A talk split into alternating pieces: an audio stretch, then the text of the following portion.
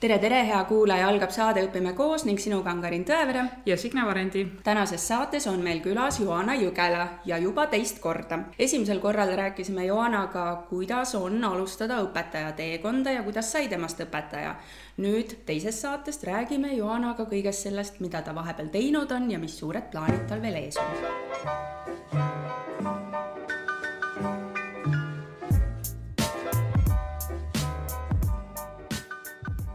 tere, Joana! hei, hei! nii tore on sind jälle siin näha ja tahaks sinu käest küsida seda, et äh, mäletad, eelmisel korral, kui me saate salvestasime, rääkisime sellest, kuidas sa õpetaja teekonda alustasid ja mis olid raskused ja siis sa veel õppisid õpetajaameti kõrval. nüüd on see õppimine vist on selja taha jäänud. jaa, on küll. sul on nüüd neljas aasta põhikoolis ja teine aasta gümnaasiumis. enam ei ole nii verivärske ja noor õpetaja klassi ees, et millist nõu oskad sa anda noorele alustavale õpetajale, kuidas jääda koolis ellu? ma arvan, et see ellujäämine on eelkõige ikkagi, vähemalt minu puhul, olnud väga tugevalt selle sisemise motivatsiooni najalt alguses vähemalt, mis minu puhul äh, toimis äh, hästi, on see, et proovige kõigepealt äh, inimesena ellu jääda, et küll see aine õpetamine tuleb sinna, sinna rahulikult kõrvale, aga lihtsalt nagu sa ei saa esimesel aastal panna endale ülisuuri eesmärke, sest et äh, sul on päriselt nagu vaja nii paljude süsteemidega kohaneda, et seda infot, eriti seal augusti lõpus ja septembri alguses tulebki meeletult palju, et sealt selekteerida juba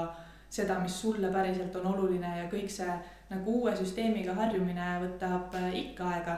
aga, aga samas vist ei tohi olla ka päris see, see suhtumine, et noh, et siis ma lähengi ja kulgen ja teen, et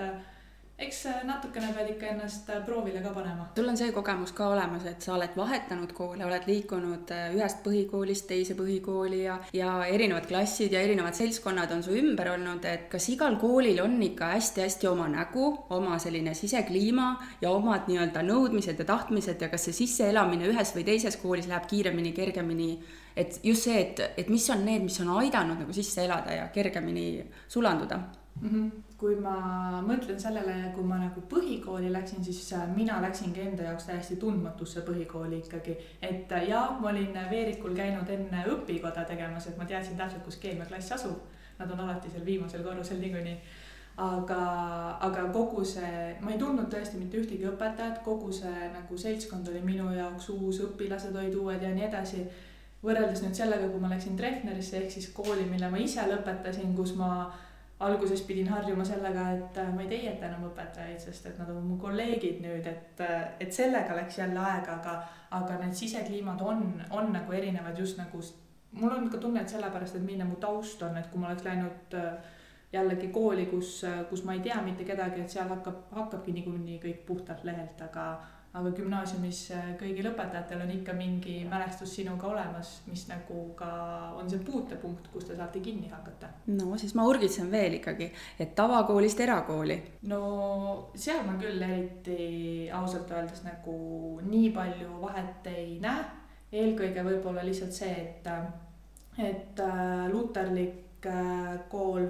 nad väärtustavad kasvatamist hästi palju ja seda inimeseks olemist et sellele nad panevad rõhku, sellest tulenevalt need käitumismustrid õpilastel on natukene teistsugused. aga, aga nagu muus osas kool on ikka kool, et äh, seal on alati omad, omad võlud ja valud, et mhm. äh, see küll ei ole, ole näitaja, kas me nüüd räägime nagu nii-öelda tavakoolist või erakoolist. aga kuidas sa jõudsid erakooli, et räägi sellest teekonnast ka, et Veriku kooli jätsid selja taha ja, ja liikusid edasi ja, ja see... kus sa õpetad üldse praegu ja, et äh, hetkel ma gümnaasiumis õpetan äh, Hugo Treffneri gümnaasiumis äh, keemiat ja teen seal äh, keemiapraktikume ja Tartu Luterlikus Peetri koolis õpetan keemiat ja seitsmenda klassi loodusõpetust. ja see luterlik kool sattus minu ellu päriselt täiesti juhuse tahtel. ma siin äh, mõningal määral olen juba rääkinud äh, ühest müstilisest novembrikoolitusest, kus ma kogu oma viieaastaku plaani paika panin ja muudkui lähen nüüd mööda seda rada. sealsamas novembrikoolitusel, kuna ma teadsin, et ma tahan äh, hakata natukene rohkem tegelema suuremas pildis keemiaharidusega, siis äh, ma lihtsalt ei tule oma koormusega välja ja, ja ma otsustasin, et, et põhikool on see, mis minu selja taha nüüd jääb ja ma arvasingi, et, et sellel õppeaastal ma võtangi gümnaasiumi ja tegelen siis oma projektidega aga, aga elu arvas natukene teisiti ja, ja siis ühel hetkel ma leidsin ennast töövestlusel Jaani kirikus, kuhu ma isegi mitte ei kandideerinud, vaid minuga võetigi otse ühendust. ja kuna see tunnikoormus on luterlikus niivõrd väike, sest neil on ainult üks paralleel ja seal on, seal on mõnusalt kümmekond õpilast ühes klassis siis, äh, siis ma arvasin, et kuna ma tegelikult nagu südamest ei taha seda põhikooli jätta, et seal on nagu mõnus äh, mängulisemalt seda keemiat ikkagi ajada, et äh, siis ma arvasin, et teeme siis see aasta niimoodi. nüüd sul on kogemust põhikoolis ja gümnaasiumis keemiaõpetajana rohkem kui küll, et kas keemiaõpetajal on muresid ka? Äh, ma arvan, et igal õpetajal on muresid, me kõik tahaksime oma ainet anda võimalikult ideaalselt ja, ja muidugi me tahaksime asju teha, teha natukene teistmoodi, kui keegi meile on ette kirjutanud, aga tegelikult suures plaanis on, äh, on hästi. Ma ise tunnen, aga see on täiesti minu kiiks ilmselgelt, on see, et äh, kui me tahame öelda, et keemia on eksperimentaalteadus, siis, siis see õppekava on natukene teooria mõistes äh, mahukas, just nagu tunde lihtsalt nagu kontakttunde jääb äh, väheseks, et seda praktilist osa ma tahaksin rohkem teha, aga see ongi see koht, kus sa natukene keerutad ennast äh, välja, et minu puhul see väljakeerutamine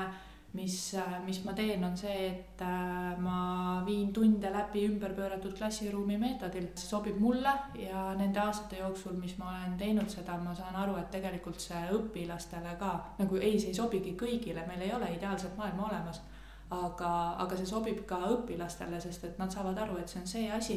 mille najalt nad saavad äh, päriselt äh, katseid teha ja seda teooriat ka rakendada, et äh, põhimõtteliselt mul ongi tunne, et meil on valik, et kas me lõikame teooria nurkasi kuskilt päris äh, korralikult või siis äh, proovime natukene välja vingeldada teisiti küsikski kohe siis õpetamisviiside kohta, et sa mainisid siin ümberpööratud klassiruumi, aga mis veel on see, mis teeb nagu sellise keemia põnevaks aineks sulle õpetada, õpilastele vastuvõtlikuks, et jess, keemia on põnev ja kui palju sa tehnoloogiat kasutad? Mm. -hmm. mul põhimõtteliselt äh, mulle endale väga meeldib äh, katseid teha ja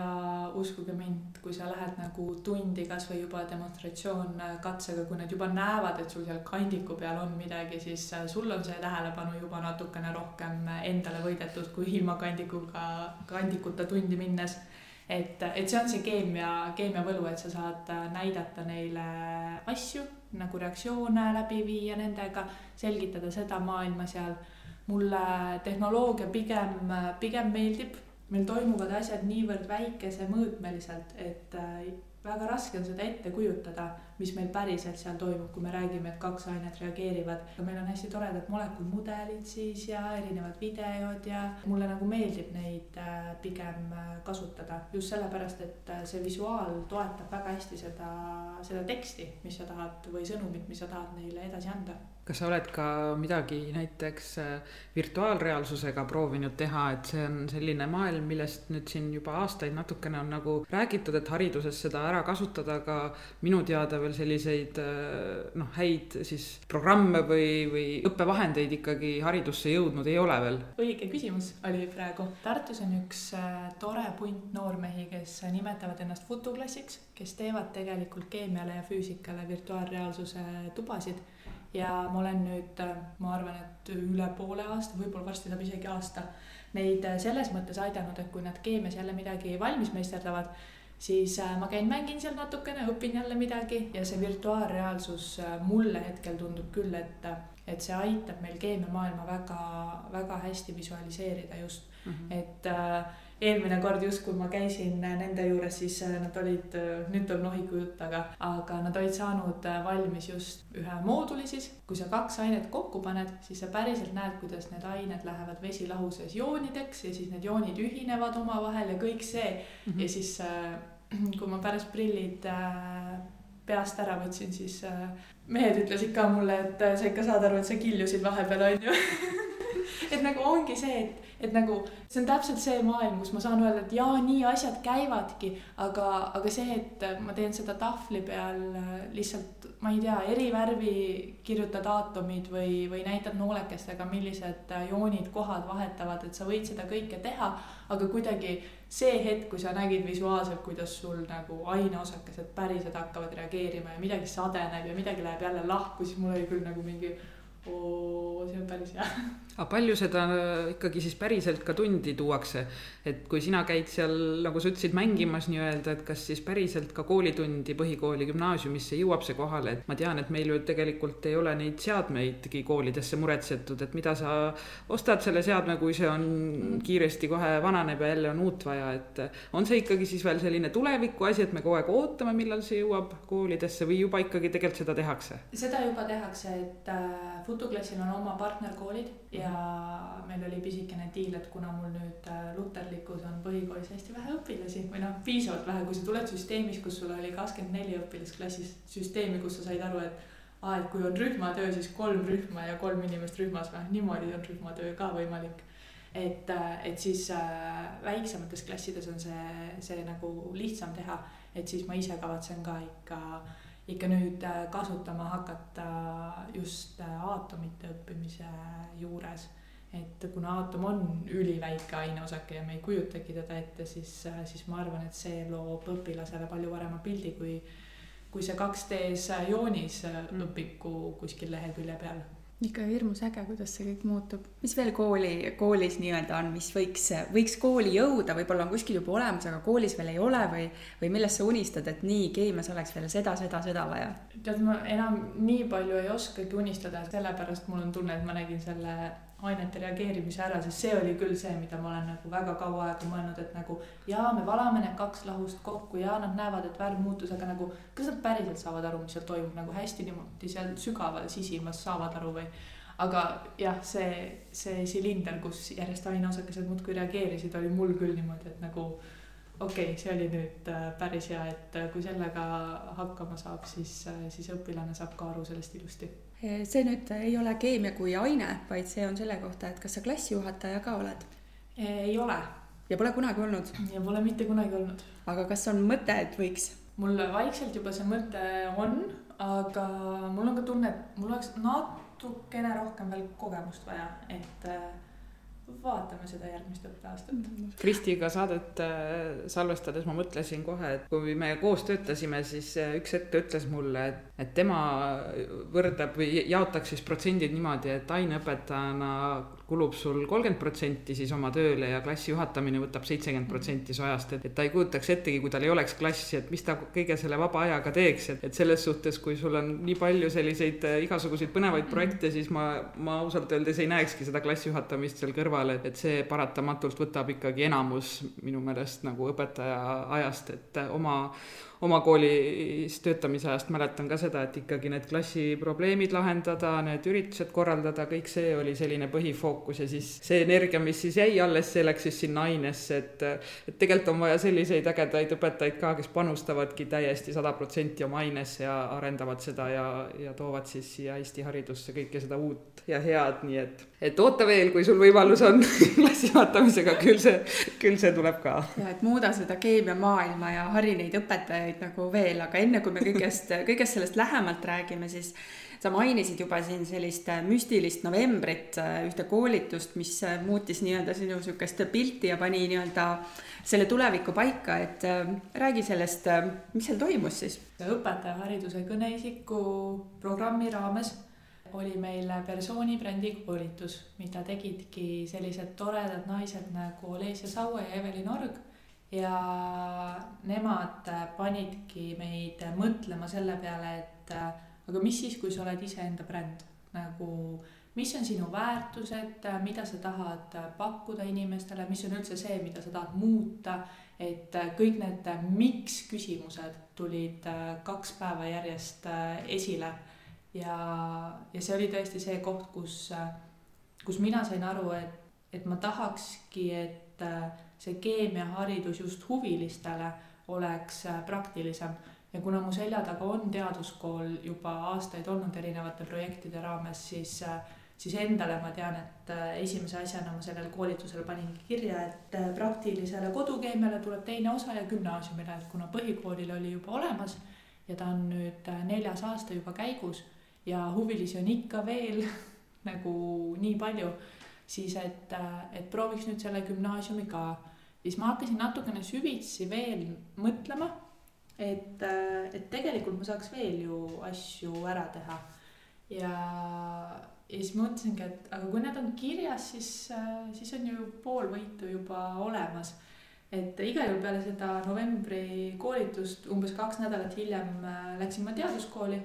ja rääkisin oma mõttekestest ja kindla sooviga läksin selle peale, et äh, kodukeemiale tuleb teine osa ja, ja see oli minu soov ja siis ma viskasin niimoodi muu seas õhku mõtte, et aga mis saab siis, kui teeks nagu õppematerjale ka, aga teeks keemiavideoid teeks õppekava kohaseid neid ja teeks põhikoolile, et haldaks ära kaheksas ja üheksas klass. ja, ja sellest mõttest äh, see lihtsalt, ma viskasingi ta õhku. Äh, kuu aega hiljem öeldi mulle, et äh, kuule, aga kirjuta see natukene rohkem lahti nüüd. et mis sa päriselt arvasid sellest ja siis ma olin juba oma peas asjad ära mõelnud, mida ma arvan sellest. ja siis ma kirjutasin selle lahti ja nüüd äh, juhtus niimoodi, et äh, teaduskooli kaasinitsiatiivil ja Haridusministeeriumi toetusel olen ma terve suvi neid äh, videoid mõnusalt siin valmis meisterdanud ja ongi see, et viska õhku see mõte ja saab küll tehtud. No räägime sellest teaduskooli projektist, mida sa tegid, et see kaheksas-üheksas klass, et need on siis videomaterjal, mis katavad kogu õppeaasta ära. Need on keemiaõpetajatele? Need on, äh, ma tahaks äh, pigem võtta selle, et need on nendele huvilistele, et õpetajad saavad, äh, saavad neid ka kasutada, aga minu arust see distantsõpe näitas ka, et tegelikult meil on õpilased, kellele sobib natuke teistmoodi õppimine, kellel, kes tahavadki minna omas tempos kiiremini ja see on täiesti okei okay minu arvates, et neil on nüüd see võimalus olemas aga tõesti, need videod katavad ära kogu põhikooli õppekava. Enda peas mul vähemalt on neid videod on nagu kahes erinevas süsteemis nii-öelda, et ongi mul sellised videod, mis äh, koos teooria selgitamisega käivad katsed sinna juurde, et näitlikustada asju ja siis erinevad arvutusülesanded või mingite perioodilisuustabeli seoste loomine teen ma siis äh, graafikalauaga, et need ei, need ei tähenda, et ma peaksin kodunt kuskile ära minema, vaid ma saangi mõnusalt äh, kodus neid videoid äh, meisterdada.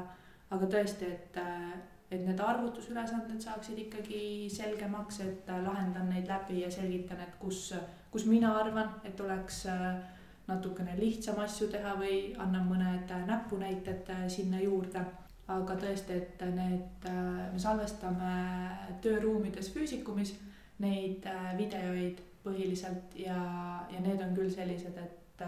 et ma räägin kõigepealt, mis asi näiteks puhas aine või segu on ja siis näitan mõne katse või ja noh, et nad on erinevad natukene, aga tõesti, et võimalikult palju nagu tuua seda päriselu ka sisse. Kas nad on sellised, mida siis annab õpetajal tundi integreerida kuidagi, et võib-olla võtabki sinu selle video selgituse Äh, mõne katsenäidise ja siis äh, tunnis saavad õpilased näiteks seda kohe kaasa teha, et äh, on see, on need sellised lühikesed pigem või, või, või pikemad siis, et? Nad on jälle, see oleneb hästi palju teemast muidugi, aga, aga selline keskmiselt viisteist minutit teema kohta on tõesti noh, ta on ka tunnis kasutatav, ma loodaks, et see ei ole lihtsalt niimoodi tunnis kasutatav, et keegi vajutab play nuppu ja siis video saab läbi ja siis on, öeldakse umbes, et äh, võtame nüüd töövihiku, hakkame täitma, et, et mulle meeldiks, kui seal oleks see arutelu moment ka. pigem siis et, nagu ümber pööratud klassiruumi ja, jaoks need videod, et eelnevalt kodus vaadata ja, ja siis tunnis nii-öelda. sest et õppida. minu arust ongi, see on see väljund, kus me saame nagu tekitada seda arutelu, tekitada neid probleemülesannete lahendamisi, praktilisi töid, et ma arvaks, et niimoodi toimiks see süsteem nagu minu maailmas vähemalt kõige paremal moel. aga eks see ole näha, kuidas see päriselt toimima hakkab ja kus need videod siis äh, leitavad on, peab selleks kuidagi registreerima, maksavad need midagi kasutajatele, et äh, mis platvormil nad on? Need on äh, teaduskooli kodulehel õppematerjalid all kõigile kättesaadavad ja teaduskooli Youtube'i kanalil on täpselt samamoodi need olemas et noh, ikkagi olla õpilasesõbralik eelkõige tänapäeval. mulle natukene meenutab see sellist asja, mida tegi Kristo Siig, kellega me ka ju saate salvestasime. küll aga minu jaoks selge erinevus on see, et mina sain Kristo jutust aru, et tema see oli nagu tema hobi ja ta pusis neid ise kodus teha ja meeletu aeg, mis nende töötlemisele tal läks, et et siis sina seal persoonibrändi koolitusel said vist nii palju indu juurde, et äh, saigi üks projekt valmis ja sul on ikkagi toetus taga, et sa teed seda suuremalt siis, et, äh, et see on selline järgmine, järgmine samm selle hariduselu siis üldiseks paremaks äh, muutmisele, ma saan aru. et või noh, see eesmärk, mis sul on, et sa tahad öelda seda, et äh, jah, see keemia on Joana hobi, me teame seda, on ju, aga nüüd selle hobi eest äh, nagu keegi teine rahastab seda, et sa ei tee oma vabast ajast ainult seda. selles mõttes küll jah, aga nagu selles mõttes, et rahastus rahastuseks ma teeks seda niikuinii, et äh, see, see keemia ongi minu elu, nagu ma teen seda väga hea meelega ja olgem ausad, veits see egoistlik aspekt on seal ka ikka, et nagu ma ise kasutan neid, olgem. sa lihtsustad enda elu ma ka. ma teen enda elu väga-väga palju lihtsamaks niimoodi. aga ma küsiks selle, selle teaduskooli projekti ja nende videode kohta veel, et kuna minu lapsed Eestis koolis ei käi, siis kas see on nagu mõeldav, et kui nad keemiast halli aimugi ei tea ja nad võtavad teaduskooli õppematerjalid lahti no oletame, et nad on sellised aktivistid, noh siin et eh, kas see on nagu selline kursus, mille nad saavad nagu läbida niimoodi step by step ise ka ja saada aimu, mis see Eesti õppekaval keemia on? jaa, et äh, me paneme kodulehele väga kindlas järjekorras need teemad üles, et õpilasel oleks eelkõige mugav, et äh, noh, kaheksandas klassis ei ole mõistlik, et enne kui sa ei tea, mis asi on perioodilisuustabel, et hüppad oksiidide nimetamise juurde, et noh, siis läheb elu natukene keeruliseks lihtsalt, et kui selles järjekorras minna, siis on võimalik, videotes on harjutusülesandeid ka et mingit nagu töövihikulaadset materjali seal ei ole või mingeid töölehti täita või midagi, et, et seda, seda harjutamist peaks tulema kuskilt nagu väljaspoolt ka aga, aga ta annab selle teadmise ära, mis, mis on keemia Eesti õppekava juures. et sealt teaduskooli all tundub, et keemiale puhutakse nüüd äh, elu nagu selles mõttes sisse, et läheb selliseks tänapäevasemaks, natukene juba virtuaalreaalsus nagu on, on peaaegu käegakatsutavaks saanud, et kas sa näed, et teistes ainetes võiks ka need asjad kuidagi niimoodi liikuda, et rohkem selliseid, nagu sa teed neid õppevideosid, et on see võimalik, et muud õppeained ka tuleksid sellise asjaga kaasa, nagu sina tegid? muidugi on võimalik, selles mõttes ma olen aru saanud, et äh, kõik on võimalik, kui piisavalt äh, tahta. aga lisaks sellele, et mina teen äh, neid videoid, siis esimesele kooliastmele tuleb välja mm -hmm. see õppeaasta, ehk siis äh, loodusõpetusele ka teaduskooli õppematerjalide alt äh, leitavad, et väga lahedad kvargi inimesed teevad seal katseid ja räägivad loodusõpetuse poole pealt, mis on ka nagu kasutatavad ju. kui suur see meeskond on, kellega te töötate koos, et kas see on lihtne leida enda kõrvale selliseid entusiaste ja selliseid inimesi või teed sa kõike üksinda? Ei tee kõike üksinda, mul on üks hästi tore noormees, kes, kes filmib ja monteerib ja teeb graafikat ja mina ei tea, vabal ajal püüab kärbseid, kui keset võtet mõni ruumi jõuab. et me teeme seda kahekesi ja teaduskool on tõesti nagu hästi mõnus tugi kogu aeg olemas, et kui ma jälle ütlen, et ma ei tea, meil kõvakettaid vaja, sest et failimahud on liiga suured ja vaja oleks kuskile neid ladustada, siis, siis nagu ongi see, et teaduskool tegelikult, tegelikult on hästi mõnus tagala, mida, mida omada praegu siin. sa mainisid, et kodukeemia üks ja nüüd on olemas kodukeemia kaks, mille poolest siis need videod, mis sa tegid kaheksas-üheksas klass, erinevad, kellele, kellele see suunatud, sihtgrupid ja nii edasi mm. -hmm. et äh, videod on ikkagi väga konkreetselt ka õppekavast äh, tulenevad, äh, et need videod on ikkagi põhikool kaheksas-üheksas klass, keemia väga konkreetselt. nüüd praktiline kodukeemia üks sihtgrupp on põhikooli õpilased ja siin on oluline nüüd minu arvates aru saada sellest, et teaduskooli kursused tavaliselt seostatakse, et need on need andekatele õpilastele, et kodukeemia kursus ei ole see kodukeemiakursus on totaalselt huvilistele, et kui sa tahad äh, katsetada, kui sa tahad katsetada koduste vahenditega, siis, äh, siis see on see koht. nüüd äh, kodukeemia kaks on, on gümnaasiumile, et seal ma eeldan juba natukene rohkem seda kriitilist mõtlemist, panen natukene rohkem rõhku ka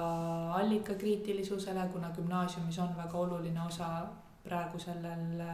uurimis- ja praktilisel tööl, et, et võtta ka need teadmised sinna ja ma saan minna kodukeemia kahes ka natukene süvitsi rohkem selle keemiaga. kodukeemia kaks on hästi sarnase ülesehitusega, et sul ongi teooria osa, sul on äh, seal katse olulisemad aspektid, et kuidas katset läbi viia ja siis on ikkagi see vana hea protokoll, mis keemikutele meeldib, et see protokoll tuleb esitada ja see peab saama ka arvestatud, et sa kursuse lõpuks saaksid arvestatud. kas sa üksinda jätkuvalt siis vaatad kõik need protokollid läbi või on sul abilised ka? on muidugi abilisi, et Kodukeemia üks on mul kursus, kus äh, igal aastal on olnud sadakond õpilast, et see ei oleks äh, mõistlik, et äh, esimesed aastad Kodukeemia ühes oli meil neli tagasisidestajat siis eelmine õppeaasta tegime me emaga seda tagasisidestamist kahekesi ja nüüd Kodukeemia kaks, äh, ma teen ka emaga kahekesi, et me saame päris hästi nende asjadega niimoodi hakkama. aga mis hoiab sind selle juures, kas ongi see, et noh, hetkel on nüüd uus ja värske on ju, huvitav, et uh, uus kursus, et aga Kodukeemia üks, et sa seal samamoodi veel tegutsed, et ei ole mõelnud, et ma annan nii-öelda üle selle kellelegi teisele et sa saaksid ise vaba aega juurde, et liikuda, liikuda teiste projektide juurde? seda mõtet tõesti ei ole mu peast isegi mitte läbi käinud, aga minu arust ongi see keemia nagu üks hästi suur võlu, et sul on alati mingeid toredaid müsteeriume lahendada, et sa võid kirjutada neile küll, et näete, et see katse tuleb välja, et sa võtad lahuse A, B ja C, paned nad selles vahekorras kokku ja voilaa toimib, onju. ja siis kirjutab üks äh, õpilane sulle ikka, et oot, aga mul ei toiminud ja siis hakkad mm. pusima, et no aga mida sa ostsid ja mis, mis nagu sealt edasi läks, et seal on alati oma mingid võlud ja siis sa hakkad jälle see pisikene Sherlock Holmes pead olema, kes uurib välja, et äh, kas ta ikka tegi seda niimoodi ja siis tuleb välja, et ei teinud ju. Johanna räägib sellest noh, tõeliselt niimoodi nagu ta ennastki nimetab, et keemiapõlur on ju, et sihuke magic happens on ju. ja ma mäletan, et esimene kord, kui me saadet salvestasime, siis ma ütlesin ka, et ma tahaks nii hullult seda kodukeemia kursust läbida. kui pikk see programm on? kodukeemia üks on äh, kümnest praktilisest tööst äh, koosnev, hakkab peale oktoobri alguses ja lõpetame sellise märtsi lõpuga. kodukeemia kaks koosneb äh, viiest plokist ja me hakkame pihta veebruaris ja me lõpetame mais. me anname neile ikkagi ette tähtajad, millal me mingeid protokolle ootame lihtsalt selle pealt, pärast et neid natukenegi seal graafikus hoida, et et kõik ei lükkaks sinna kevadesse asju, aga kui sa teed omas tempos ja teed kiiremini, siis see on ka kogu aeg olnud okei okay.. no ma räägin, ta räägib nii innustunud sellest asjast, et tahaks minna ja proovida seda kursust ja, ja siis, aga siis lõpetad selle jutu alati, et no siis tuleb protokoll kindlaks tähtajaks ja siis ma hakkan värisema. täidetud ja. jah, just ja aga nüüd ma võin öelda väga rahuliku südamega, et eelmisel õppeaastal üks neljanda klassi noormees, kuigi praktiline kodukeemia üks on kaheksandale, üheksandale klassile, koos oma isaga tegi ilusti selle kursuse läbi. tema sai nende protokollidega, mis on väga hirmsad hakkama. tegelikult see protokoll ei ole hirmus, mida me tahame seal äh, näha, on see, et sa pead pilti tegema katsest, et sa päriselt oled selle läbi teinud, sest et olgem ausad, pool Youtube'i on neid katseid täis ja analoogia täis, et sa võid vaadata ka selle video ära, aga nagu miks meil see sõna praktiline seal ees siis on, et mm, -hmm. et sa peaksid ikkagi ise selle läbi tegema ja tegelikult, kui sa oled selle eelneva teooriamaterjaliga tutvunud ja enda jaoks selle loogika läbi mõelnud, siis äh, nagu sul ei pea olema magistrikraadi keemias selle jaoks, et seda kursust mm -hmm. läbida, et see on tehtav selle materjaliga, mis seal on. selle kodukeemiaga on äh, kas mul on kõik asjad olemas kodus või ma pean minema poodi ja ostma või sa ütled, et praktilised asjad, et kuidas ma selle kodukeemiaga siis pihta hakkan? sellega on niimoodi, et kõik asjad on leitavad tavakaubandusest, et äh, sul ei ole vaja kuskile keemiakaubamajja minna selle jaoks, vaid. oota, see on, selline asi on olemas või? on küll jah et äh, sa saad ehituspoest, toidupoest äh, iluvaldkonnast äh, kõik asjad tõesti kätte, apteegist ka, aga lihtsalt äh, mõningaid asju äh, me pakime, nagu neid on vaja niivõrd vähe, et ma ei tea, kui sul on vaja kaaliumpermanganaati nagu reaalselt paar kristalli selle katse läbiviimise jaoks ja sul ei ole kodus, siis minna apteeki ja kilone pakk osta. jah, vist veits mingi saja grammiga saab ka, aga noh, ühesõnaga, et, et nagu selliseid asju me pakime ise ja, ja siis saadame nii-öelda stardipaketid äh, õpilastele, kes on registreerunud kursusele juba pakiga koju ja mis see stardipakett maksab? selle stardipaketi hind äh, tuleb juba koos äh, kursusele registreerumisega, et mõlemad kursused on kakskümmend neli eurot. tundub mõistlik. aga tead, mul on küll sihuke tunne, et mina võtan selle väljakutse vastu ja teen selle sellel aastal ära, et kaua ma seda keemiat siis niimoodi kannan, et Johanal on plaan väike loosiauhind ka välja panna. tõesti, teeme ühe pisikese loosimängu ja tegelikult on väga lihtne, et äh, mul ei ole ju mitte midagi muud välja loosida, kui ikka oma kursustel osalemist vastavalt sellele, kas sa siis tahad praktilise kodukeemia ühe või teisel kursusel äh, osaleda. Lihtsalt teine eeldaks tõesti seda, et sa oled juba jõudnud gümnaasiumi astmesse, muidu võib minna natukene keeruliseks. aga Karin paneb nüüd loosimängu kriteeriumid paika. just, ja selles loosimängus osalemine on imelihtne, tuleb äh, kommentaaridesse kirjutada ühe, veel parem kahe sõbra või kolleegi nimi, kes veel ei kuula Eesti ainukest haridusteemalist taskuhäälingut Õpime koos. ma soovin teile kõigile head loosiõnne ja põnevusega jään ootama, kes siis kohtub minuga praktilise kodukeemia kursusel.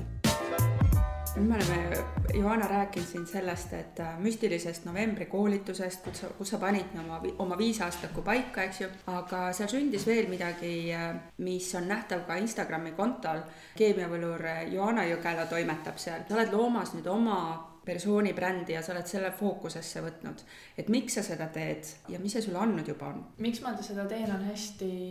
hästi lihtne, ma proovin äh, eelkõige õpilastele anda seda sisendit, et äh, õpetaja on ka inimene selles mõttes, et nagu meil on ka omad huvid ja, ja me teeme ka lahedaid äh, asju. tänapäeva noortel on ülitoredad Youtube erid, kes,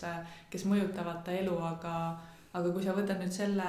paralleeli kõrvale, et mina olen see inimene, kes on kogu aeg klassi ees, nagu minu tujudest sõltub vahepeal kolmekümne kuue inimese tuju edasi, et näidata seda, et jah, õpetaja on ka inimene. Ja no ma ei saa, ma ikka elan seda keemiamaailma, et, et keemia on tegelikult äh, lahe. Ja keemiaga saab väga palju asju teha. Lihtsalt nagu vahepeal me peame natukene avatumate silmadega ringi käima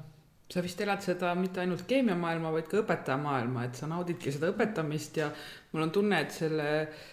siis keemiavõluri brändiga või sellega sa annadki ka seda edasi, et, et õpi õpetajaks, et, et õpetajaamet on äge ja tegelikult õpetaja on justkui nagu kodukeeli siis äh, või nii-öelda see kohalik influencer noorte seas ju -hmm. tegelikult, et et võib-olla kasutada hoopis sellist sõna, mis ma tean, paljudele ei meeldi, aga et õpetaja kui bränd, aga noore jaoks, et äh, mitte Youtuberi, influencer või Instagramis keegi tegija, vaid õpetaja. ja, ja see, see oli nii armas, kuidas kaheteistkümnenda klassi klassi eesti keele eksam oli läbi saanud ja siis tuli üks noormees minu juurde, kellele mina olen andnud kaks aastat tagasi keemiapraktikumi Treffneris ja hakkas rääkima, et oota Jaan, aga kui ma ikkagi nüüd tahan õpetajaks minna, siis et nagu kas pigem läheb see rada niimoodi, et ma lähen kõigepealt õpin keemiat ja siis lähen õpetajaks või ma lähen loodusainete õpetaja rea peale, et siis see oli ka see koht, kus nagu silmad läksid täiega särama, et, et ta tahab, et ta julgeb selle minu arvates nagu kõva häälega kellelegi teisele välja öelda ja, ja nagu mulle tundus ka, et minu arvamus oli talle, talle oluline, et. Ja ta oli juba jõudnud selgeks mõelda selle, et või te, uurida välja see, et on erinevad teed ja. sinna jõudmiseks. nii et äh, vot see sõna see oli väga... suunamudi ja mis ma mõtlesin, maakeeli on ju influencer, et suunamudi, et õpetaja kui uus suunamudi ja et, et natuke vist see õpetaja kui hariduse kõneisiku siis ma saan aru, programm äh, koolitabki teid siis äh, sellisteks äh, suunamudjateks, kes võib-olla nagu seda õpetajaametit rohkem siis positiivses valguses esile toovad, et noored seda valiksid või mm, -hmm. et teie kui kaks siis selle programmis osalejad. peaeesmärk on see, et õpetaja mainele anda nagu ikkagi positiivset kuvandit ja näidata seda, et õpetajaamet ei ole ainult see võib-olla, mis, mis nagu inimestel on, vaid sellel on nii palju erinevaid tahke. no eriti jah, Joana näitel, et kui paljude Just. asjadega sul tegelikult Just. on võimalik sealt kõrvalt veel ja, ja sellest tegeleda. Äh, hariduse kõneisiku lendudest on sündinud ju väga erinevad äh, ettevõtmised, et võib-olla Instagramis kõige rohkem ongi olnud nähtav see õpi õpetajaks konto,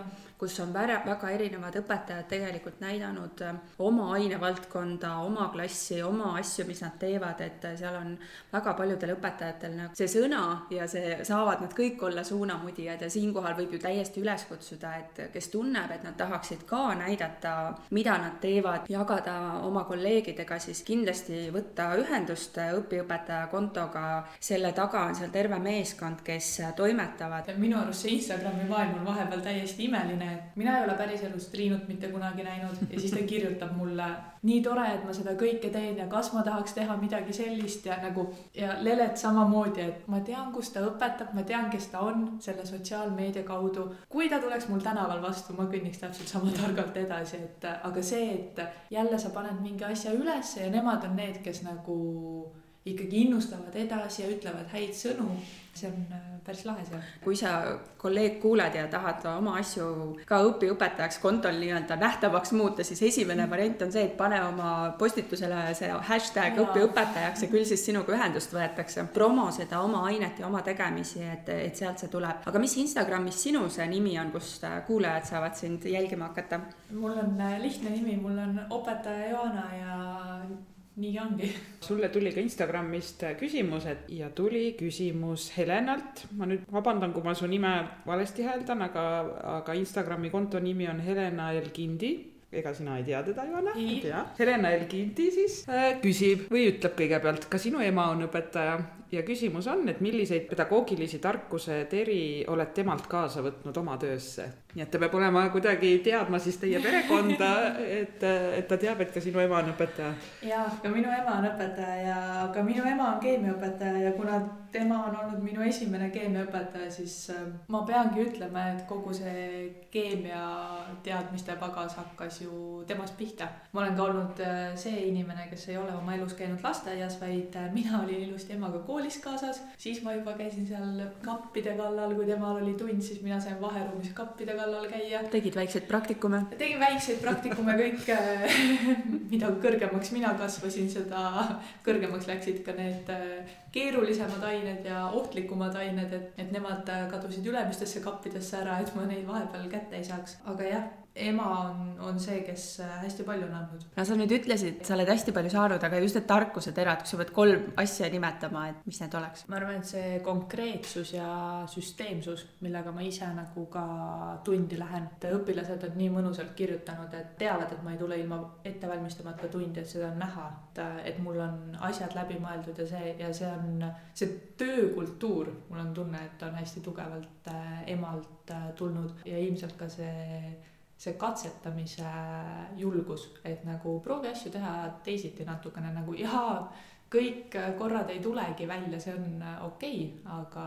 aga sa vähemalt proovisid. sa oled äh, siin saates juba maininud ja minu meelest ka sotsiaalmeedias jaganud äh, pildikesi siis sellest, et äh, sulle antakse väga palju tagasisidet õpilaste poolt, et sellised mingid positiivsed äh, kommentaarid, et äh, kas see on ka võib-olla midagi, mida sa oma töös kasutad, et, et sa tagasisidestad hästi palju õpilaste töid, et nemad julgevad ka sulle öelda, sest ega kõikidele, mina ei tea, et kõikidele õpetajatele nii palju võib-olla selliseid kommentaare jäetakse või, või öeldakse edasi Äh, ja õpilased annavad mulle tagasisidet, aga nad annavad seda tänu sellele, et äh, ma küsin. ehk siis, äh, kui ma esimene aasta olin gümnaasiumis õpetaja, siis mul ei ole seda tausta, kuidas asju hästi teha ja minu arvates ikkagi õpetamine on meeskonnatöö. ma lasengi neil ausalt kirjutada, et mis on see, mida saab paremini teha, kus sina näed, et asju saab paremini teha ja, ja nad, nad annavad väga konstruktiivset kriitikat ka. Et ähm, ma alati toon selle näite seal, et äh, sa võid ausalt kirjutada, et sulle ei meeldi Joana, aga sa pead kirjutama, miks ka, et nagu lihtsalt mingi lause omaette ei, ei tähenda seda, et mina saan ennast muuta. ma tean, et äh, ma räägin liiga kiiresti vahepeal ja seda on äh, keeruline vahepeal sellest mõttest nagu kinni võtta. ja, aga kui õpilased ikka nagu sul juba mitu õpilast kirjutab, siis äh, see on see kellukene, mida endaga kogu aeg kaasas hoida, et, et kuule, võta oma tempot maha nüüd, sa pead ju ikkagi arvestama nendega ka ja noored inimesed annavad väga hästi tegelikult tagasisidet, kui sa lased neil anda seda mm. -hmm. just, et kui sa küsid neilt, on ju mm, -hmm. et et, et sa oled äh, avatud ja valmis selleks, et, et pakud seda võimalust neile, jah. alguses võib-olla on natuke keeruline, aga kui, kui nii-öelda see saab harjumuseks, et siis ma kujutan ette, et tuleb päris sellist jah, konstruktiivset ja head ja, ja, ja saab enda tööd selle järgi sättida küll. aga selle kriitika juures sa ennem rääkisid, et sa teed emaga koostööd mm, -hmm. et äh, mis tunne siis on emaga koostööd teha ja vahepeal võib-olla siis üksteisele kriitikat anda, et kas see mõjutab nagu siukseid perekondlikke suhteid ka sellega on ja vahepeal hästi-hästi naljakas, et äh, seesama videote projekt, mida ma teen, siis äh, ema vaatab mul kõik videod üle ja ise ma andsin lähteülesande täiesti valesti, ise sain aru, et äh, ütlesingi emale, et äh, vaata videod üle ja pane sinna ettepanekute kausta siis äh, kirja, mis on valesti. no ta ikka kirjutas kõike, mis on valesti, mis tema arvates nagu, mis sõnad ei sobinud, kuidas tema saaks paremini teha ja siis sa loed ühe video tagasisidet ja järgmise ja juba kümnenda ja kogu aeg on ainult midagi valesti, täiesti ulmeline, hakkabki aina rohkem kerima mõte, et normaalne, ma ei teegi mitte midagi õigesti ja siis üks päev helistasin emale ja siis no, natukene karjusime üksteise peale, et nagu mul ei saa olla kõik valesti, nagu ma ju teen oma tööd, noh, nagu selles mõttes, et ma teen seda südamega ikkagi on ju, et ma proovin nagu asju panna loogilisse maailma ja teha asju lihtsamaks ja, ja nagu tegelikult need sõnad on ju okeid, et nagu kõik ei saagi moodustada samamoodi lauseid või siis ema, ei no kõik ülejäänud on ju hästi, ma ütlesin, et joo, aga miks sa ei kirjuta? Siis sain aru, et ise ei öelnud, et kirjuta ja nüüd asjad on jumala palju paremad. et äh, kirjutabki, et äh, nii tore, et sa mingi sellise väljendi seal tõid, et äh, siis, siis mõjub juba päris hästi see tagasiside. aga mida see ema siis võib-olla seal taga ajas, et mis või, või tähendab, mis, mis väljendid need on, et on need siis mingi natuke selline tänapäevaste tänapäevased väljendid või mingid slängid või et mis ei sobi, et kas, kas ema tahaks, et pigem oleks selline võib-olla konservatiivne ja hästi niimoodi. ei, mitte just seda, vaid lihtsalt, et, et nagu natukene rohkem selle peale, et kus sa selle lause fookuse päriselt paned. kui ma neid graafikalaua videoid salvestan, siis kuna mul ei ole seda teksti ees, ikka nagu vahepeal mingi mõte läheb vupsti kuskile jälle mujale ja siis nagu ise kuulad pärast, aga kuna sa ise tead, et, et see peab niimoodi olema, on ju, siis sa ei oska ise nagu välja mõelda seda, et aa, aga õpilase jaoks oledki juba täiesti kadunud. et ta pigem nagu toob seda fookust äh, õigesse kohta mm. -hmm okei okay,, et see ei ole nagu probleemiks, et sa võib-olla, ma ei tea küll, aga et kasutad võib-olla selliseid või noh, noorte sõnavara, et natuke nagu rohkem samastuda noortega või, või neile seda rohkem arusaadavaks teha. ei no need minu toredad sõnad, et armas ja mõnus ja need ikka käivad läbi ja nende vastu ei saa, sest noh, nagu ma ei saa ka päris niimoodi, et ma nagu ennast sinna üldse sisse ei pane et äh, need ei häiri teda, sest ta kuuleb neid ju kogu aeg. no siit ongi kohe minu jaoks huvitav küsida, et kui ma sind vaatan, sul on imeilusad tätoveeringud käe peal ja tegelikult äh, terve üks käsi on neid täis ja, ja sa niimoodi oled maininud, et tuleb juurde ka tõenäoliselt, et, et kas see on midagi sellist, mis sind on võib-olla kas emaga seoses või noh, üldse õpetajaameti juures, et mingeid no, küsi, probleeme tekib? küsi siis otse, et kas sulle on öeldud, et õpetajal ei tohiks tätoveeringuid ikkagi olla? Arvamust on äh, avaldatud jah, et äh, eelkõige seda arvamust, et mis eeskuju sa siis õpilastele annad mm. -hmm. aga, aga ma ei võta seda üldse nagu halvasti selles mõttes, et nagu meil kõigil äh, ongi natukene oma kiiksud ja kui see on minu kiik, siis mina saan sellega väga hästi hakkama ja kui see kellegi teise pähe ei mahu, siis, siis see on tema asi, millega tema peab tegelema. mulle meeldib niimoodi ja, ja seni, seni kuni mulle meeldib, ongi see nii. ma pigem mõtleks selle eeskuju all seda, et nagu ongi täiesti okei okay, äh, näha välja teistmoodi ja Just. näha välja teistsugune, et väga paljud inimesed, kes mind esimest korda näevad, ei usu, et ma olen õpetaja. ja, ja konkreetselt ei usugi, et kui sa tutvustad ennast kui, kui õpetaja, siis äh, no see pilk ikka seal taga nagu küsib kümme korda üle, et oled sa kindel või kas see on sellepärast, et nad teavad, et sa tegeled ka lisaks sellele boksile ja, ja võib-olla nad ei olegi su kätt veel näinud või nad kõigepealt on näinud su kätt ja siis tekib see kahtlus? no ma tegelen jah, selliste teistsuguste asjadega, mil, mida sa ilmselt ei paneks sinna õpetajaameti selja taha päris, aga, aga see ongi okei okay,, sest et see ongi täpselt see, et nagu õpetaja on ka inimene, tal on ka nagu oma maailm, omad hobid ja huvid, et meil kõigil on need väga erinevad. Ja tegelikult sellist eeskuju meil koolis just ju vaja ongi, seepärast et kui me räägimegi näiteks koolikiusamisest, siis põhiprobleem on ju see, et keegi erineb kellestki ja seetõttu hakataksegi teda siis kas just tõrjuma või vastupidi, kiusama niimoodi, et haiget tegema. et kui õpetaja seal klassi ees ongi ka täiesti teistmoodi kõikidest õpilastest, et ongi käsi näiteks tätoveeritud, et minu arvates see on ainult väga nagu teretulnud ja, ja, ja muutus positiivses suunas, et, et sellega just jah, et see on nagu positiivne eeskuju, et mina ei tea tõesti, et kuidas saab veel mõelda, et selline asi on nagu kuidagi noh, halb või, või ei sobi õpetajaks olemise juurde, et kui me ajame taga seda, et läheneme neile individuaalselt, et siis, siis õpetaja on samamoodi, igaüks on omamoodi ja ühesõnaga tore ja, ja tänagi sul on, ongi, et sul on äh, käed paljad ja on, on näha ilusti neid tätoveeringuid, et ei pea nagu peitma seal klassiruumis ka, ma leian. Ma ei, ei proovi neid peita väga mm. -hmm. mul tuli lihtsalt meelde, et Maril oli, olid roosad juuksed, kui me tegime ja. seda saadet, et. samamoodi võib-olla, mis on jah, küsimusi tekitav mõne, mõne mm -hmm. inimese peas, et siis, kui mina õppisin äh, õpetajaks, siis meil oli see mingi äh, seadused ja õpetaja mingi ametijuhendid mm -hmm. ja mhm. need asjad on ju. ja see oli aastast üheksakümmend neli, viis, ma võin natukene nüüd äh, eksida, aga õpetajal ei tohtinud olla värvitud küüned, eelkõige tumedaks värvitud küüned blondeeritud või triibutatud juuksed, seeliku pikkused olid paika pandud ja nii edasi. me ei tohiks siis keegi siin Jaa. ruumis on ju õpetaja olla, kui me peaksime nendest Mille, lähtuma. millele sa nüüd vihjad hakkame juustest pihta see on kõige lihtsam nii et jah, ma, loodan, et meil ikka liigume sinna suunda, kus õpetajal on selline vabadus olla see, kes ta on. mulle meeldibki nagu see mõte, et mitte kellegi meie välimus ei määra ära seda nagu, mida me teeme, selles mõttes, et nagu palun vabadust, see ei tee minu ajupotentsiaaliga mitte midagi, et ma olen natukene tindisem kui mõni teine inimene. et kui sa ei suuda nagu sellest nii-öelda kestast edasi vaadata, siis äh, äkki me ei peakski koos olema. noh, ja see kõik tegelikult sai alguse sellest, et me vaikselt rääkisime sellest õpetaja mainest. kuidas sulle tundub, milline on õpetaja maine praegusel hetkel või kuidas seda veel nagu tõsta saab? ma arvan, et äh, tegelikult iga õpetaja kujundab seda mainet oma absoluutselt igas tunnis, et ongi see, kui õpilased näevad seda, et sa teed oma asja entusiastlikult ja, ja sa suudad neid kaasata ja neil on nagu hea olla su tunnis, siis tegelikult see on ju kõige positiivsem asi, mida sa võid neile anda. ja nagu, kui nad saavad aru, et see ei ole selline töö, kus sa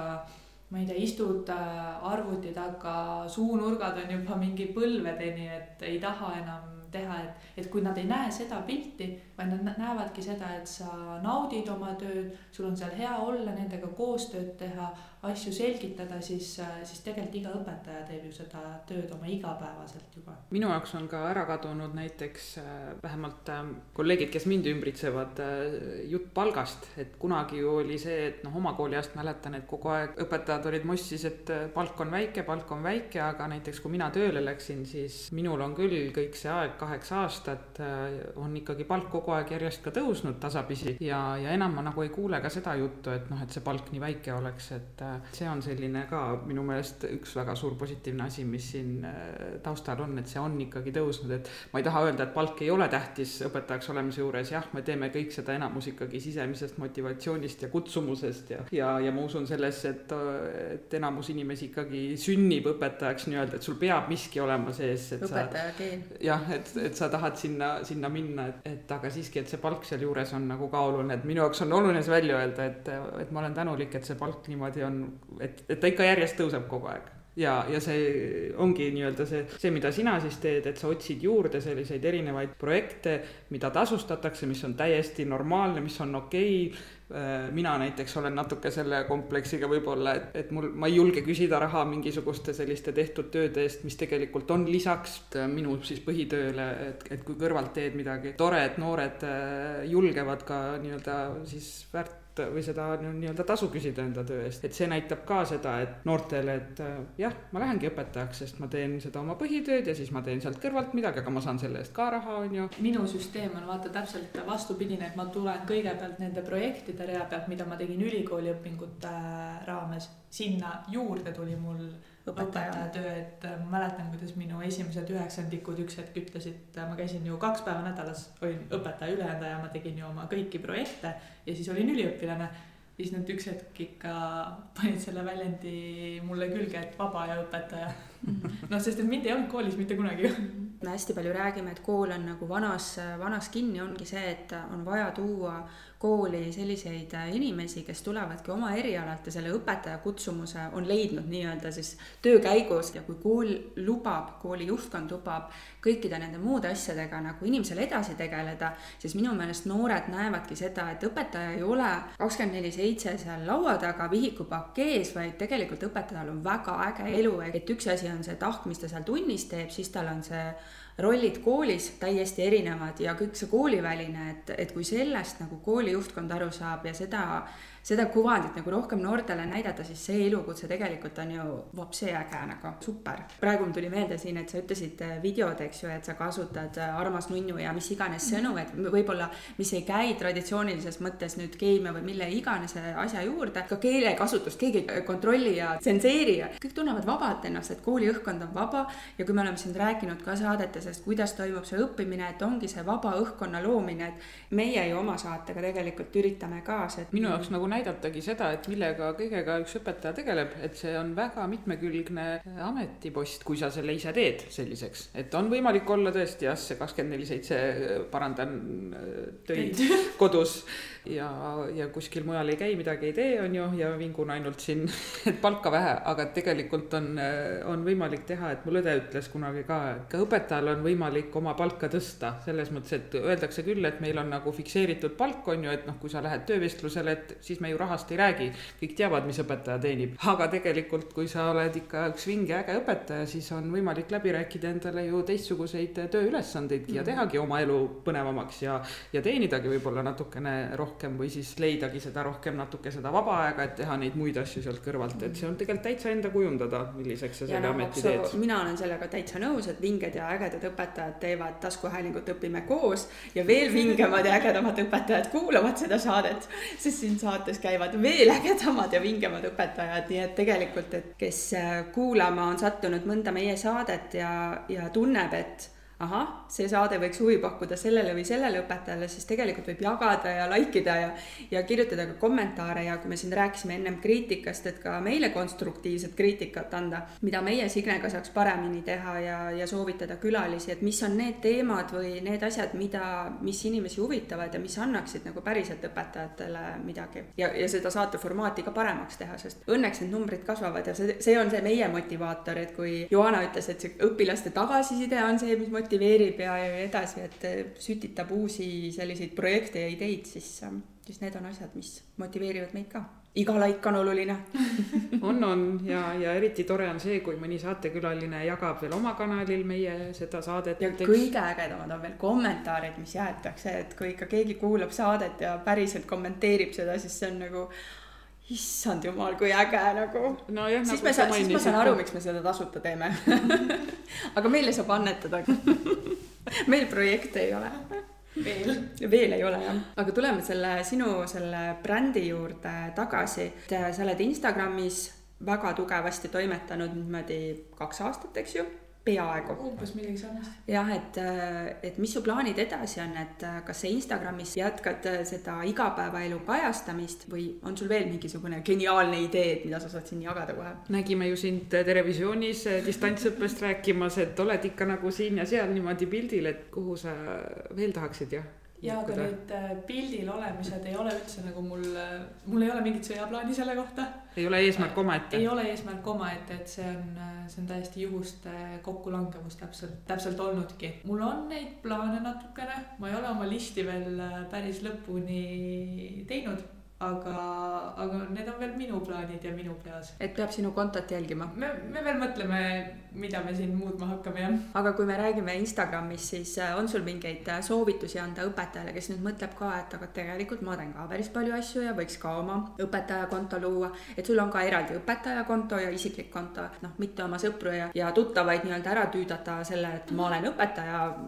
profiili ja kuvandiga, et, et mis soovitusi sa annaksid alustavale Instagrammerile? hästi raske küsimus nüüd, Karin, aitäh sulle selle eest. see oli nii pikk ka, et see peabki raske olema. ma ikkagi arvaks seda, et, et kui sul on südamelähedane see, et õpetaja maine oleks positiivne ja sul on oma konkreetne sõnum, siis äh, tee ära nagu proovi lihtsalt katseta, ega me keegi ei tea, kas see asi nagu lõpuks äh, toimib või mitte ja mis nagu minu kontol Äh, ikka veel elus hoiab, on see, et õpilased kirjutavad ka sinna ja kirjutavad nagu hästi, et kirjutavadki, et appi, kuidas sa jälle jõuad kõige sellega tegeleda või noh, nagu selles, selles stiilis, et siis saad aru, et, et see tegelikult on neile oluline, et nad näeksid, et, et sul on päriselt elu ka mitte sa ei ole seal klassi ees ainult neil. minu võib-olla soovitus on see, et no kui sulle ikka üldse see sotsiaalmeedia ei meeldi ja see Instagram, et no siis võib-olla ei tasu ja. seda tegema hakata, et see peab ikkagi olema ka midagi, mis sulle nii-öelda huvi pakub ja meeldib ja natuke nii-öelda võib-olla selline jah, hobi olema või siis, et noh, et see võiks muutuda su hobiks näiteks, et sa, et sa naudid seda jagamist seal ja, ja seda pildistamist ja, ja. ja seda küll jah, aga ma mõtlen, et see Instagrami elu ja see on nagu lisamotivatsioonipakett, kui, kui sulle sobib see sotsiaalmeedia mm, -hmm. et, et nagu sa ütlesid, et mingid asjad hakkavad juhuslikult sinu juurde jõudma. et tänapäeval see sotsiaalmeedia roll on lihtsalt nii suur, et kui sa tunned, et sul just koolis võib-olla on, tahaks mingit väljundit juurde saada, aga koolis seda ei ole, siis võib-olla sotsiaalmeedia kaudu tuleb see mingi teine väljund või keegi märkab sind, et ka Triinu ju Pääsik, kellega me tegime distantsõppe ajal saate, rääkis sellest, et ta lihtsalt sotsiaalmeedias mainis mingit asja ja kirjutas talle inimene, et oh, kuule, et mul on täpselt sama mõte ja tegid koos selle grupi Facebookis. Facebookis ja. ühe grupi, mida nüüd koos juhivad, et nagu selles mõttes, et tasub olla ikkagi avatud, et, et seda sotsiaalmeediat ei tasu ka ainult karta. kas on midagi hästi sellist äh, praktilist, äh, mida sa pead jälgima seal kontol, et noh, näiteks mina klassiõpetajana, no siiamaani on ikkagi see lastest näiteks piltide jagamine väga-väga nagu tõsine ja hingelähedane teema mulle, et, et tahaks nagu jagada kõike seda ägedat neid emotsioone laste nägudes, kui me midagi teeme. aga samas ma väga pelgan seda, et, et ma jagan alaealist last mm, -hmm. kuigi võib-olla isegi mul on see luba lapsevanema käes olemas. kas sa nii-öelda arvestad sellega? ma arvestan küll äh, sellega, et ja ma küsin õpilaste käest päriselt mm, -hmm. kui mul on mõni mõte, mida nagu kajastada, et, äh, et ma ei, ma ei tee lihtsalt äh, suvaliselt pilti ja see suvaliselt ei ilmu sinna kontole, et nende noorte inimeste elu on ikkagi oluline mm. -hmm. enamus pilte muidugi on sinust endast ja mingisuguses tegevuses, kus sa oled, et, et mulle tundub jah, et sa nagu jälgid seda väga hoolega, et see, see on asi, mida peab siis teadma kindlasti, kes, kes hakkab äh, sellist õpetajakontot tegema, et selleks peab luba olema, et, et lastest pilte siis jagada. minu no. arust, mis see kõige rohkem kasu toobki nagu mulle isiklikult, ongi need erinevad äh, koostööd, mis nagu sealtkaudu tulevad, et äh, et kui sa ikkagi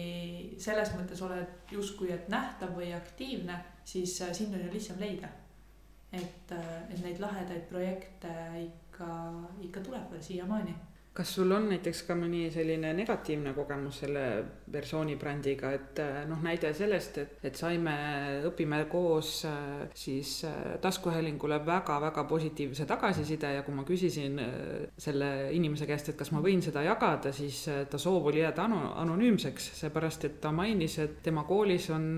natukene viltu vaadatud sellele, et ta on selline nagu aktiivne, aktiivne. ja, ja, ja otsib siis võib-olla väljapoolt mingeid selliseid arenemisvõimalusi et, et kas sa oled ka kuidagi sellist asja tajunud, et sulle vaadatakse viltu, et miks sa nii palju teed? mul ei ole mitte ühtegi negatiivset kommentaari laekunud Instagrami kontole, pigem äh, vastupidi, et kuna keemia on vist üks äh, raske maine, siis äh,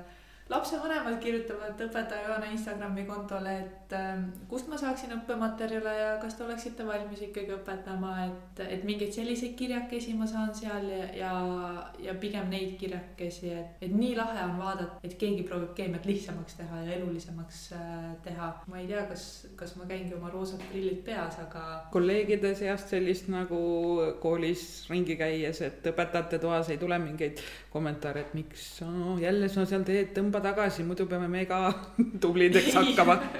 Ei, et nagu ma küll ei oska niimoodi, niimoodi välja tuua noh, seda on rõõm kuulda, et on hästi, et jah, kahjuks äh, siis tuleb välja, et ikkagi osadel on selline võib-olla siis veel õhkkond või, või kollektiiv, et äh, ei taheta. võib-olla et... nad ise tunnevad niimoodi, me lihtsalt ise kujutame ette, et kõik äh, arvavad meist jube halvasti. võib-olla. kõik võib olla mulle on öeldud niimoodi, nii et siis äh, okay. on jah no, natuke selline. igal juhul Joana, meie täname sind, sest meie usume ja nägime nüüd ise ka, et Joana päriselt teeb selliseid asju, et keemia oleks põnev ja huvitav ja ta proovib anda seda huvi edasi nii õpilastele kui ka õpetajatele, oma kolleegidele. Ja saatekuulajad, siis võtke osa meie loosimängust ja hakkame siis koos siis sellest challenge'ist osa saama ja vaatame siis, kui rasked need protokollid protokollid on, et, et kas me siis saame hakkama või ei saa ja võib-olla siis Joanaga kohtume kunagi kolmandas saates ja ma ei tea, millest me siis räägime, uutest projektidest või Keimia tulevikust või, või haridusminister jo Joanast või? ega ei ole hirmu siin, et sina üks hetk kooli uksed enda järelt kinni paned ja ütled, et ei, ma enam koolis ei, ei õpeta, vaid teedki juba veel suuremaid asju? ma ei, ma ei julge sellele küsimusele väga ei välista midagi. on ju vastata, aga see, mida mina distantsõppelt enda jaoks nagu analüüsimiseks võtsin, on see, et mul on ikka väga toimimiseks neid silmapaare seal klassiruumis vaja. ma ei kujuta ette, mis see väljund on, kui ma enam üks hetk klassis ei ole, aga, aga praegu tundub küll, et, et see õpetajaamet Äh, sobib mulle rohkem kui veel. aga nüüd, Joana, tuleb lõpuküsimus no,. kokkuvõte sai tehtud aga küsime ära, et äh, kui sina oleksid haridusminister, siis mida Joana muudaks? minu töö muudaks äh, väga palju mõnusamaks see, kui klassikollektiivid oleks äh, väiksemad, et sa päriselt jõuadki kõigi õpilasteni, sest et nad on väga erinevad. ühtne süsteem ei, ei sobigi kõigile, et jah, sa proovid nende nõrgematega rohkem tegeleda ja sa proovid neid tugevamaid rohkem utsitada, et nad teeksid juba keerulisemaid asju ja niimoodi, aga, aga tegelikult see spekter on palju, palju suurem kui see kolm gruppi, kellega sa võiksid tunni jooksul äh, tegeleda, et kui sul on kakskümmend ja rohkem õpilast juba, siis, äh, siis sa ei saa seda tähelepanu kõigile anda ja see on see, mis nagu ikka jääb veits kriipima tunni lõpus, et, et kas ma päriselt jõudsin kõigini. aga aitäh, Joana ja kõikidele kuulajatele siis, et äh, päris tõsiselt, et kui teile meie saade meeldis, siis likeige ja jagage ja kui teile ei meeldinud, siis kirjutage, mis teile ei meeldinud, et andke konstruktiivset kriitikat, et teeme koos asjad paremaks järgmise korrani. Kuulmiseni. kui sinagi said koos meiega täna uusi mõtteid ja inspiratsiooni, siis anna taskuhäälingule hoogu juurde, likei, jaga ja kommenteeri meie postitusi sotsiaalmeediakanalites. kui soovid taskuhäälingut Õpime koos toetada, siis täname sind annetuse eest MTÜ Tartu Loomemaja arveldusarve kontole. kõik vajalikud lingid leiab saate kirjeldusest